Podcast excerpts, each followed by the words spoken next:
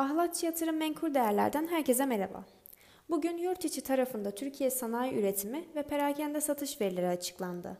Türkiye sanayi üretimi yıllık bazda beklentinin oldukça altında 8,7 olarak açıklanırken perakende satış verileri ise yine beklentinin altında 12,3 olarak geldi. Bugün günün devamında yurt dışı tarafında OPEC aylık petrol piyasası raporunu ve ABD hazine bütçe dengesini takip ediyor olacağız. Kur tarafında Merkez Bankası toplantısı öncesi tam olarak bir satış baskısı olduğunu söyleyemeyiz. Özellikle dolar endeksindeki güçlü duruş, kurun 50 günlük üstel ortalamasının da geçtiği 8.45 seviyelerine tutunmasına sebep oldu. Fiyatta oluşabilecek yukarı yönlü ataklara karşın 8.50 TL seviyesini direnç, olası geri çekilmelerde ise 8.40 seviyesini destek olarak takip ediyor olacağız.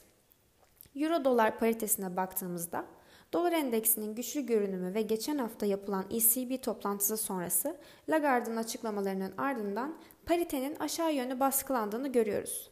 Satış baskısının artması halinde 1,1770 seviyesini destek, 1,1825 seviyesini ise oluşabilecek yukarı yönlü hareketlerde direnç olarak izliyor olacağız.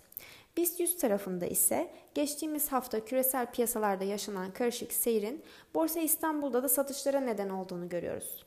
Geçtiğimiz haftanın son işlem gününü 1438 puandan kapatan Borsa İstanbul'da haftalık 2,4 oranında azalış görüldü. Bugün aşağı yönlü baskının devam etmesi durumunda 1430 seviyesine destek, olası tepki yükselişlerinde ise 1445 seviyesini direnç olarak izliyor olacağız.